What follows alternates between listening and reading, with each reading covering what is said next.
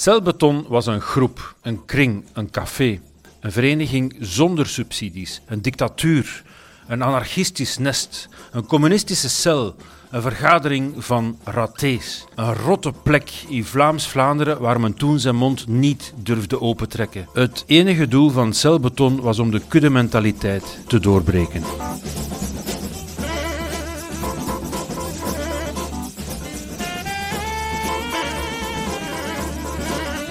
Celbeton. Een mythische plek in Dendermonde. Een klein café waar grote namen kwamen. In de jaren 50, 60 en 70. En toch weten wij daar nog amper iets van. In deze podcast ga ik op zoek naar de overblijfselen van die avant-garde kunstkring. Mijn naam is Tine de Donder, ik ben onafhankelijk podcastmaker en ik ben zeer benieuwd naar die underground kunstkring van zo'n 60 jaar geleden, waar ik tot voor kort nog nooit van gehoord had. In drie afleveringen neem ik je mee naar Celbeton en gaan we samen op zoek naar wat er daar gebeurde. We hadden het al over muziek en literatuur in de vorige afleveringen. En deze aflevering die draait helemaal rond beeldende kunst. En wat onmiddellijk opvalt, dat is dat heel veel kunstenaars in Celbeton echte dubbelkunstenaars waren. Dat ze zich dus niet beperkten tot schrijver zijn of muzikant of beeldhouwer, maar dat ze bijna allemaal in verschillende disciplines tegelijk werkten. In deze aflevering krijg je verhalen van Hugo Claus, Louis Palboon, Paul van Gijzegem en Wannes van de Velde. Ik wens je heel veel luisterplezier. Te Dendermonde in Celbeton, Gentse Steenweg 192, kleine retrospectieve der schilderwerken van Paul Marat tot de 30 januari. De vernissage werd opgeluisterd met een folkloristisch optreden van Wannes van de Velde kost hem geraken nonnepeert. Geef hem de brandel uit de neert, door hij jammen een man peert. Jammen een man waaruit er waren, kost hem geraken nonnepeert. Jan Menneman zong Wannes van de Velde op een mooie januariavond in Celbeton, toen daar een tentoonstelling opende van de surrealistische schilder Paul Marat. Maar Wannes van de Velde die was zelf ook bezig met beeldende kunst. Dat wist Koen Brams mij te vertellen, onderzoeker aan de Universiteit Gent en curator van de expo rond Celbeton. Uh, Wannes van der Velde die was eigenlijk vooral uh, bezig als tekenaar en maakte dus abstracte tekeningen met, met lijnen. Dus dat zijn eigenlijk, um, je kan het geen geometrische abstractie noemen, maar um, hij maakte abstracte composities met potlood en uh, met lijnen. Wannes van de Velde was niet de enige die verschillende kunsten combineerde. In de eerste aflevering van deze podcast, die over muziek, hoorden we Paul van Gijzegem over de free jazz die hij daar toen speelde op zijn contrabas. Maar Paul van Gijzegem, 88 ondertussen, die maakte toch vooral naam en faam als schilder en beeldend kunstenaar. Hij vertelt ons over de schilderijen die hij maakte ten tijde van celbeton. Wel, voornamelijk zijn dat schilderijen die uh, tot soms mijn verbazing, soms erg aansluiten bij wat ik nu ook nog maak. Ik bouwde eh, schilderijen op, bij manier van spreken, uit het niets. Hè? In die mate dat ik dan soms ondervond dat het schilderij ten dele zichzelf maakt. En u zegt, ja maar nee, dit is niet goed, je moet, je moet dat wegdoen en dat, dat moet erbij komen enzovoort. En, en dat is iets wat ik nog nu ook ervaar. Je bent op een bepaald ogenblik uh, uh, bijna een, een medium. En, en ik voel de verwantschap heel scherp aan, ook met, uh, met de muziek die ik speel.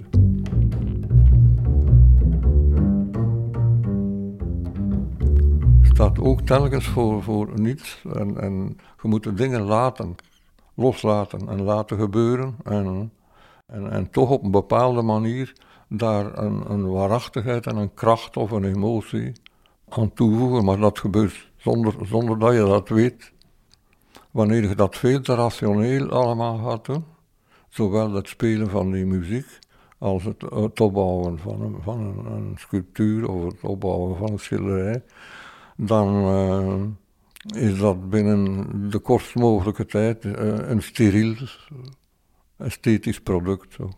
En dat was zeker niet de bedoeling. Nu, de oprichters van Celbeton die hadden wel duidelijk die abstracte kunst voor ogen. Dat lezen we in de brieven die ze naar elkaar schreven en die we terugvinden in de Witte Raaf. Dit komt van Adolf Merks aan Jan Walravens.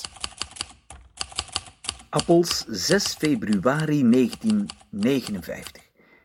Beste Jan, elke kunst bevat een element van abstractie. Als abstractie betekent aftrekken van de werkelijkheid en met die afgetrokken elementen een eigen wereld bouwen.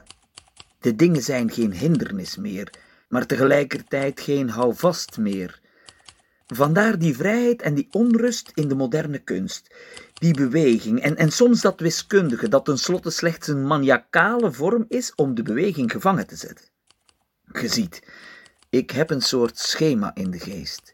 Ik vind dat er te veel wordt gebabbeld over kunst en te weinig nagedacht. Groeten van onze familie aan die van u. Dank en tot ziens. Dolf. Dat waren de woorden van Adolf Merks. Maar Koen Brams die vertelde mij dat er in celbeton toch meer was dan alleen maar abstracte kunst. Um, je kan echt wel zeggen dat men in celbeton uh, heel veel aandacht heeft gehad voor de abstracte kunst in de eerste jaren. Uh, maar dat Adolf Merks toch avontuurlijk genoeg ingesteld was om niet blind dat ene dogma te volgen. En dus, um, curieus genoeg, had hij ook een enorme belangstelling voor naïeve kunst. En dus hij heeft eigenlijk verschillende kunstenaars van die naïeve kunst aan bod gebracht. Een van de voorbeelden die ik zou kunnen noemen is Guillaume Leunens, um, die in 1958 tentoonstelt in Celbeton. En ja, ik zou dat echt durven kwalificeren als een, als een, een voorbeeld van naïeve schilderkunst. En er volgen nog meerdere voorbeelden. Dus het is, wat ik belangrijk vind om te, om te stellen, is dat Merck zich, heeft zich niet achter één dogma gezet en dat dan gedurende jaren aan een stuk uh, voortgezet. Dat heeft hij niet gedaan. Kan je toch even uitleggen wat dat is, naïeve kunst? Wel, je zou het eigenlijk kunnen vergelijken met een uh, kunst die heel nauw aanleunt bij de, uh, bij de kinderlijke schriftuur. Dus als je aan een kind vraagt van teken een boom en een kat en een wolk, dan zou je eigenlijk die naïeve schilderkunst daar heel dicht in de buurt bij kunnen situeren. Ah, oké. Okay. Maar daar werd dus nooit oude of uh, historische kunst tentoongesteld? Nee, dat is een goede vraag in die zin dat um, het is heel belangrijk om te vermelden dat in celbeton slechts één overleden kunstenaar heeft tentoongesteld. Of dat in celbeton slechts eenmaal werk te zien is geweest van een overleden kunstenaar. Dus alle kunstenaars die daar geëxposeerd hebben, leefden nog en hebben de tentoonstelling mee samengesteld of mee vormgegeven. Ja. Een van de namen, of twee namen, grote namen, die mij ter oren gekomen zijn, zijn eh, Roger Ravel en Raoul de Keizer. Die hebben daar ook tentoongesteld? Ja, dat klopt. En dus er is een heel mooie anekdote bij de, wat betreft de tentoonstelling van Roger Ravel. Um, hij aanvaarde eigenlijk vrijwel onmiddellijk de uitnodiging om tentoon te stellen in Celbeton, kwam met een aantal werken en als, als we het hebben over een tentoonstelling in celbeton, dan moet je denken aan een tentoonstelling van een twaalftal werken. Hm? Dus nooit, uh, nooit veel meer, vaak een beetje minder. Omdat het ging om een café en de wandruimte was uh, eerder beperkt. Dus Roger Ravel komt naar celbeton met een aantal werken en beslist op de avond uh, om een loterij te organiseren. Hij toonde een werk waarvan hij nog geen titel had. En wilde een prijs uitreiken aan de persoon die naar zijn mening de beste titel voor het werk verzon. Tenminste, het is niet hij die, het, uh, die dat beoordeelde, maar er was een jury, zogenaamd, het is allemaal, je moet het allemaal in speelse termen zien. Uh, in die jury zat onder andere Karel Geirland, Adolf Merks, dat zijn de namen die me nu binnenvallen. In ieder geval, zij beoordeelden dus de titels die het publiek gaf bij het werk van Roger Ravel. En uiteindelijk was het Roland Joris uh, die volgens de jury de beste titel voor het werk verzonnen had. En die titel was Mens bekijk dit tijdperk. Verzonnen dus door Roland Joris, de dichter uit Wetteren, die een diepe vriendschap koesterde met Roger Ravel. Ik heb uh, Roger Ravel uh, leren kennen als, ja, als beginneling, jonge beginneling, bij het bezoek aan tentoonstellingen in Gent. En ik had hem, geloof ik, in de cercle artistiek literair in Gent, uh, had ik van hem werk gezien. En ik heb toen onmiddellijk met hem contact. Ik was helemaal overstuur daarvan. Dat was echt het werk dat ik ooit zou willen maken hebben. En, wat ik, en ik eh, ben met Roger in contact gekomen en er is daar een, meteen een, grote vriendschap bij ontstaan. En een tijdje later uh, Leo Driege die zocht ook naar exposanten, naar goede tentoonstellingen. En ik zei tegen Leo, ik zeg, die moet je brengen, Roger Ravel, die moet uh, hier in uw galerij komen. En daar is toen uh, een grote tentoonstelling geweest in Wetteren bij uh, van Roger Ravel. Ik heb daar de inleiding voor gedaan.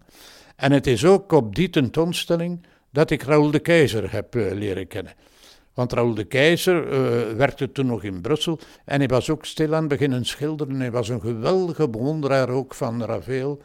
En hij schreef uh, recensies over beeldende kunst in diverse bladen, diverse krantjes enzovoort. Ook onder andere over Ravel. En ik heb Raoul leren kennen en Raoul zei tegen mij, je moet een bij mij komen, ik ben ook aan het schilderen. En zo is dat verder geëvolueerd. En is dan die, die groep ontstaan die wij hedendaags noemden.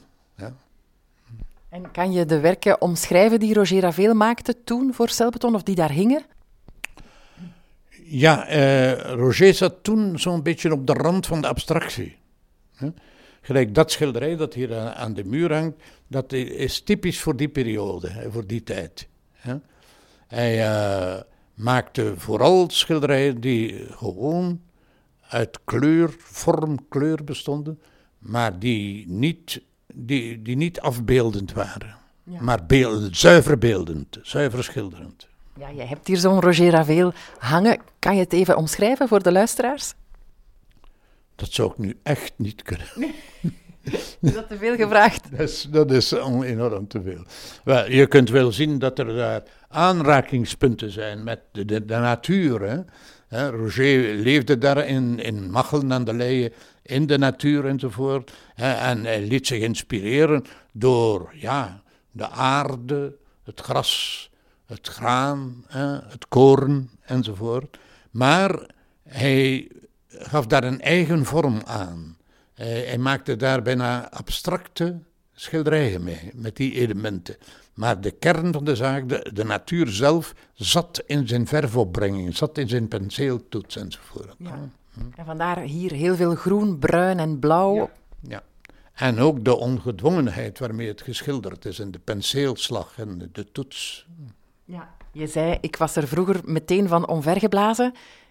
Is dat nog altijd zo? Ik blijf uh, een bewonderaar van Roger Ravel, absoluut, ja.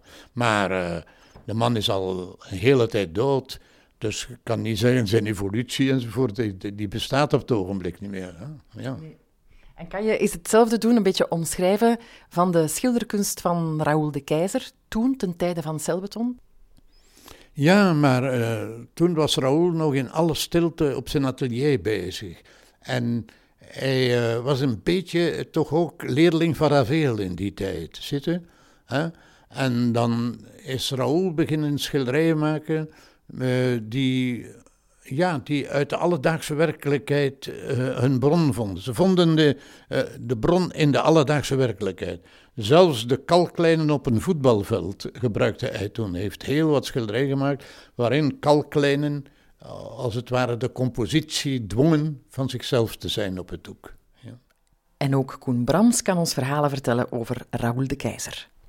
Wel, het verhaal dat ik over die tentoonstelling kan vertellen is het volgende. Um, hij wordt uitgenodigd op een avond samen met Mark Braat. Mark Braat die een boek had, ge, had samengesteld met Spaanse poëzie, Spaanse verzetspoëzie. Um, en van die avond zijn er ook foto's bewaard gebleven. Dus er zijn jammer genoeg niet zo heel veel fotoreeksen bewaard gebleven, maar van die avond wel. En dus dan krijg je ook een zicht op de accrochage van de werken uh, van bijvoorbeeld Raoul de Keizer. En hoe was het dan? Hoe hingen die werken aan de muur? Wel, de foto's die we gelukkig uh, hebben, tonen dat die werken eigenlijk bijna tegen elkaar hangen. Uh, de werken hangen dus, de, de, de, de, ruimte tussen de werken kan niet minimaler zijn. Sommige werken hangen zelfs gewoon tegen elkaar. En in een bepaald geval hangen twee werken uh, tegen elkaar in een hoek. Hm? Uh, nu, Raoul de Keizer was daar voor alle duidelijkheid zelf aanwezig en heeft die werken mee opgesteld. En dus als je nu gaat kijken naar een tentoonstelling van Raoul, de Keizer, bijvoorbeeld, uh, hij had nog onlangs een, een, hele grote retrospectieve in het Smak in Gent. Wel, die omgang vinden we niet terug in de, in de huidige museale presentaties van zijn werk. En dus wat ik, wat ik eigenlijk toch wel zo geweldig vind, is dat die kunstenaars daar dus in meegingen, of aan meededen. Dus um, het tonen van kunst als een precieus object was niet besteed aan Merks en aan de personen met wie hij samenwerkte. En dat is ook wel een opmerkelijk gegeven, vind ik. Ja, maar dus met het akkoord van de kunstenaar in kwestie. Wel, de kunstenaar heeft die werken mee opgehangen. Hm? En dus Raoul de Keizer was al in celbeton geweest. Dus hij wist in welke, in welke lokaal zijn werken zouden komen te hangen. Hij heeft ze mee opgehangen en heeft ervoor gekozen om die werken op een manier tentoon te stellen zoals hij dat nooit zou doen in een museum. Ehm, konden mensen daar eigenlijk ook iets kopen? Uiteraard. Dus uh, had geen winstoogmerk, maar ehm, iedereen kon werken aanschaffen. En dus ehm, er, waren ook, er, wa- er werd geen contract afgesloten tussen kunstenaar en de vereniging. Dat gebeurde in goed vertrouwen. En dus ehm, als er dan werken werden verkocht, dan deed de kunstenaar vaak een geste eh, naar Celbeton toe. En dat geld kwam in de kas en daar werden dan voordrachten mee georganiseerd of toneelvoorstellingen mee georganiseerd. Dus in die zin het was geen winstoogmerk, maar men kon kopen. En het is zelfs zo dat op een bepaald moment, ehm, op verschillende keren, eh, Gaston Bursens eh, bemiddeld heeft bij Herman Terlink, die toen een hoge ambtenaar was en die eigenlijk uh, mede kunstaankopen van de Belgische staat bepaalde. En dus uh, Terlink is dus wel degelijk naar Celbeton gekomen, niet als spreker, maar wel als vertegenwoordiger van de Belgische staat. En heeft daar enkele werken voor de Belgische staat aangekocht. En dus dan is het ook zo dat enkele kunstenaars dan een geste hebben gedaan naar Celbeton, omdat het toch het podium was waar via wie de kunstenaar een werk had kunnen verkopen. Zo, nu weten we heel wat meer over de kunstwerken in celbeton. In de vorige aflevering van deze podcast, die over literatuur, hoorden we al dat Louis Palboon en Hugo Claus daar geregeld langskwamen. Niet alleen om voor te lezen uit eigen werk, maar ook om hun beeldend werk aan het publiek te tonen. Wel, Claus is eigenlijk uh, minstens twee keer uh, in celbeton geweest. De eerste keer in 1961, wanneer uh, zijn boek, zijn beroemde boek De Verwondering pas uit is. En hij wordt daarover ondervraagd door Jan Walravens. En hij gaat ook voorlezen uit de verwondering. En dus dat was een eerste kennismaking met celbeton voor Hugo Claus. En het jaar daarop um, krijgt hij een uitnodiging van Adolf Merks om uh, opnieuw uh, bij te dragen aan een programma van celbeton. Merks moet gehoord hebben dat Claus ook actief is als plastisch kunstenaar en hij vraagt eigenlijk om tentoon te stellen in celbeton. En dus uh, Klaus moet daar even over nadenken, maar besluit dan toch om een, een, eigenlijk een heel, uh, opnieuw een, een, baldadig voorstel te doen. Dus hij zegt, ja kijk, ik ben eigenlijk actief als, als vrij kunstenaar, plastisch kunstenaar, maar ik maak ook zogenaamde spelen. En die spelen omschrijft hij eigenlijk als collages, montages, dus van verschillende materialen en verschillende dragers. Uh, dus dat is zowel verf als, als knipsels, um, teksten, dus beeld u in een soort gezelschapsspel, een spelbord, een schilderij, een collage en tekst, allemaal door elkaar. En de spelregels, die waren heel speciaal. Dat vertelde Hugo Claus toen op de BRT. Het zijn spelen, zonder meer. Het is een afschuwelijk teken des tijds dat men aldoor bij elke manifestatie of elk gebeuren een drievoudige betekenis wil zoeken, een metafysische ondergrond wil gaan zoeken bij gewoon kleine gebeurtenissen als bijvoorbeeld deze spelen. Spelen betekent uiteraard regels. En misschien is het grappig dat in mijn tentoonstelling de spelen er eerst zijn en dat de toeschouwer de, de spelregels zelf kan verzinnen. Men kan bijvoorbeeld bij een plaatje bedenken dat het de illustratie is van de menselijke eenzaamheid. Bij een ander plaatje een introvert aanvaarden van het bestaan van God. Men kan er van alles bij bedenken. Het zijn mijn spelen, maar het zijn de spelregels van de toeschouwer. Eerst um, heeft Merks het idee om uh, zowel plastisch werk te tonen van Klaus als van Boon. Uh, Klaus wijst dat voorstel af en zegt ik wil alleen tentoonstellen. En um, dan komt de vraag van wie gaat de inleiding verzorgen. En Walravens is het eigenlijk geweest die gezegd heeft dat moet een Nederlander zijn. Dus uh, Merks stond voortdurend in contact met Walravens, zowel via brief als via telefoon als uh, uh, tijdens ontmoetingen in Brussel. En dus Walravens zegt het moet een Nederlander zijn. Klaus reageert daar opnieuw een beetje uh, aarzelend op. Komt met voorstellen als Harry Mullisch en Bert Schierbeek. En dan blijft het een tijdje stil en gaat Merks toch een eigen programma samenstellen. Maar dan komt ineens een telegram van, van Klaus toe en zegt, kijk, eh, ik heb de spreker gevonden, het zal Simon Vinkenhoog zijn. En dus Vinkenhoog uh, komt inderdaad naar Dendermonde om een soort van inleiding te verzorgen. Dat moet vrij chaotisch geweest zijn. Maar geeft dan het woord aan een vriend van hem, Johnny de Selfkicker, die een echte performance gaat opvoeren, een poëzieperformance, uh, ja, waar uh, de journalisten niet over uitgeschreven geraken. Dus er verschijnen hele lange en echte gedetailleerde beschrijvingen van, de, van die avond uh, met Johnny de Selfkicker. Oké, okay, Koen, dan moet jij ons even samenvatten, want je hebt die recensies waarschijnlijk wel gelezen. Waarom schreven ze er zo over? Wat was er zo speciaal aan die Johnny de Selfkicker? Wel, het, het is dus eigenlijk echt een van de eerste poëzieperformances, die, uh, of een, een, performance waarbij de poëzie geïmproviseerd wordt gebracht. Um, en waarbij eigenlijk alle um, facetten van wat een performance kan zijn, dus uh, klank, gebaren, uh, tekst en niet-tekst. Dus tekst ging over in niet-tekst, in groep en getier, in gevezel. Dus het was eigenlijk een hele theatrale manier om uh, poëzie te brengen die niet bestond. Dus uh, Johnny de Selfkicker heeft die poëzie ter plekke verzonnen en gebracht in een hele woeste, vreemde stijl. En dus dat was iets wat men in Dendermonde en bij uitbreiding in België nog niet gezien had. Want dus het optreden van Johnny de Selfkicker in Dendermonde is eenmaal zijn eerste optredens ook. Het is niet zo dat hij al een heel repertoire had of een hele grote ervaring had in Nederland. Het was eenmaal zijn eerste performances. En is ook, dat is ook iets dat bij Johnny de Selfkicker, of Johnny van Doorn, zoals hij eigenlijk heet, uh, ook is bijgebleven. En um, hij heeft uiteindelijk ook nog een gedicht geschreven over Celbeton, omdat het voor hem toch ook een... Ja, het was een, een van de eerste momenten waarop hij op die manier het publiek eigenlijk toesprak. Dendermonde 63. Voor een Vlaams cultureel café waar ik een expositie zal openen, wordt ons Volkswagenbusje met minstens 25 inzittenden door de plaatselijke Wouter tot staan gebracht. En in de tussentijd dat er rechtsomkeerd naar het bureau wordt gereden, wordt er nu gevaarlijke pots door alle aanwezigen snel verorberd of in de beeldspleet gestopt. Triomfantelijk wordt met ons de hoofdverdachte in verband met 5 kilo marihu, dat is tijm, stramonium, laurier, et cetera, et cetera, aan fouillering en fouilleer, aan en verhoor onderworpen. Op de vraag hoe ik al heten mag, antwoord ik Johnny de Selfkicker. En spijtig betreurt me dat de Electric Jesus, dat ben ik ook, niet aanwezig is. En de oerdomme vertoning zet zich voort. Als we mijn zakken beklopt, roep ik schertsend, kijk voor de zekerheid eens in mijn tokens, plat Vlaams voorkomt. En de deskundige uit Brussel wordt opgebeld om snel per taxi over te komen en betoont hem meteen bij aankomst een gevonden stukje kattenbrood dat hij gewichtig met een heet gemaakt zakmesje onderzoekt. Waarbij hij verrast constateert, mijn heren, dit is de befaamde hachis! Mijn heren, is de befaamde hachis! Ik vraag me dan af, Koen, Johnny van Doorn met zijn gedicht over drugs. We zitten ook uh, in een café in de jaren zestig, dus daar zal ook wel wat drank verzet zijn. En daar hing toen dan die beeldende kunst op. Is daar dan niet veel gesneuveld? Daar weet ik niks van. Dus ik, heb, dat, ik denk wel dat uh, mocht, mochten er echte grote problemen geweest zijn, dan zou daar wel correspondentie over geweest zijn, denk ik. Dus ik heb daar, ook niet in de dagboeken van Merks, ik heb daar niks over gelezen.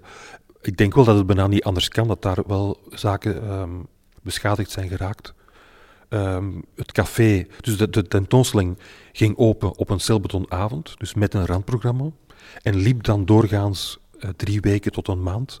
En dus uh, dat betekent dat de kunstwerken ook getoond werden zonder noemenswaardige bewaking of zonder noemenswaardige beveiliging. Heel veel van de tentoonstellingen zijn ook niet verzekerd. Dus um, kunstenaars namen het risico daarop. Dus dat was wel een beetje de mentaliteit op dat moment. En misschien was dat ook wel deel van de charme van celbeton. En zorgde dat ervoor dat mannen als Louis-Paul Boon daar graag kwamen. Lucas van der Talen. Ja, Boon was iemand die gewoon graag op café ging. Het was iemand die verschrikkelijk veel werkte, maar die dan ter ontspanning uh, graag een pintje en meer als één zelfs ging drinken. En dus kwam hij gemakkelijk in het celbeton. Ja, hij, hij is daar één keer geweest, en een tweede keer, en een derde keer, en hij is daar gewoon blijven komen. Nu, het is hier al vaak teruggekomen in deze podcast. Veel kunstenaars waren echte dubbelkunstenaars.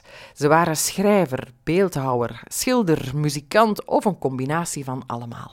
Een van de andere belangrijke evenementen in Celbeton betreft een tentoonstelling van Gaston Bursus, uh, Paul Snoek en Hugues Sepernat. Dus deze drie uh, mensen die vooral bekend zijn als schrijvers, auteurs, waren ook actief als plastisch kunstenaar. En het is eigenlijk Gaston Bursens die zijn twee jongere collega's, en dan moeten we uh, erbij vermelden dat Snoek en Pernat ongeveer 30 jaar jonger waren dan Bursens. Dus hij heeft eigenlijk de tentoonstelling samengesteld en ervoor gezorgd dat zijn jongere collega's ook um, werken getoond hebben in celbeton. En daarnaast heeft ook Louis Palbon ehm, werken getoond in celbeton. Dus ehm, het, was wel, het was iets dat um, Merks prikkelde. Het feit dat mensen twee gezichten hadden of uh, twee disciplines uh, in één persoon konden verenigen, dat was wel iets wat hem interesseerde. -hmm. Koen, we zitten hier in de streek rond Dendermonde. Deden zij hier iets anders dan in de rest van Vlaanderen of in de rest van de wereld? Of volgden zij toch een beetje de stromingen, de tendensen van toen? Om op die vraag te antwoorden moet ik eerst en vooral zeggen dat um, Adolf Merks actief was als kunstcriticus, uh, zowel voor het laatste nieuws als de Nieuwe Gazet, en dus de kunstactualiteit op de voet volgde.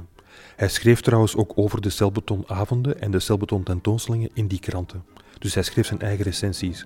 Dus hij was heel goed op de hoogte. Dat is één belangrijk punt. Tweede punt is, in 1968 onderneemt hij zijn eerste reis naar Amerika en bezoekt daar uh, gedurende één maand uh, een dertigtal musea voor hedendaagse en moderne kunst.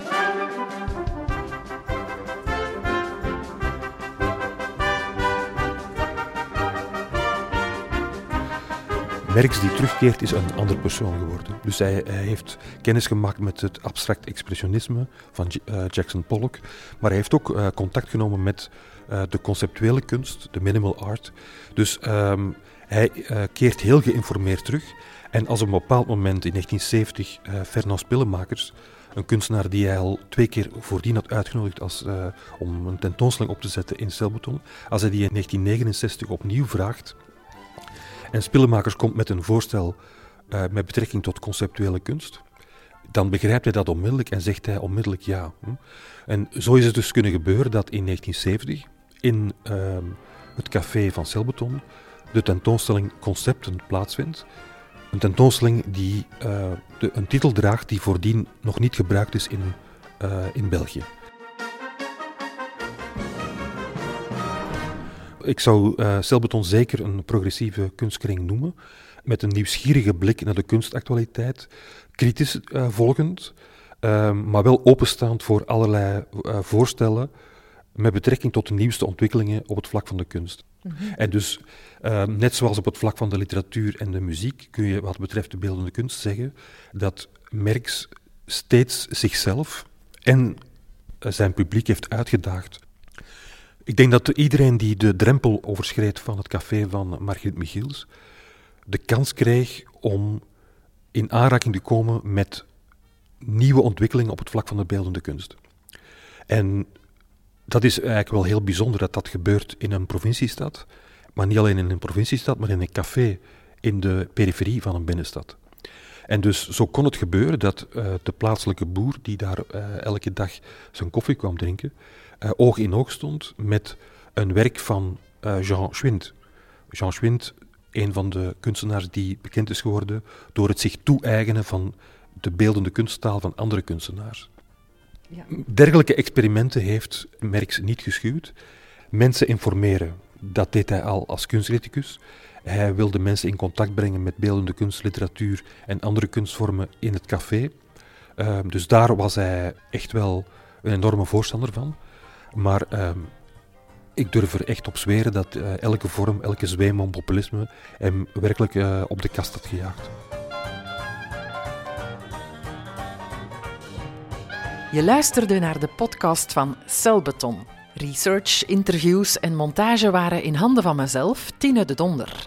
De muziek kwam van Joey McPhee, Wannes van de Velde en Leonard Bernstein. Poëzie was van Johnny de Selfkicker en brieven werden ingelezen door Lieven Keimolen en Herman Verbergmoes. Deze podcast werd gemaakt in opdracht van Dijk 92 in samenwerking met het Stadsmuseum van Dendermonde, naar aanleiding van het regionale project Celbeton in mei, juni en juli 2023 in Dendermonde. Hoor je dit op tijd? Bezoek dan zeker de expo. En wil je meer tips over cultuur in onze regio? Dan vind je het dichterbij dan je denkt. Ga naar dijk92.be en abonneer je op onze nieuwsbrief.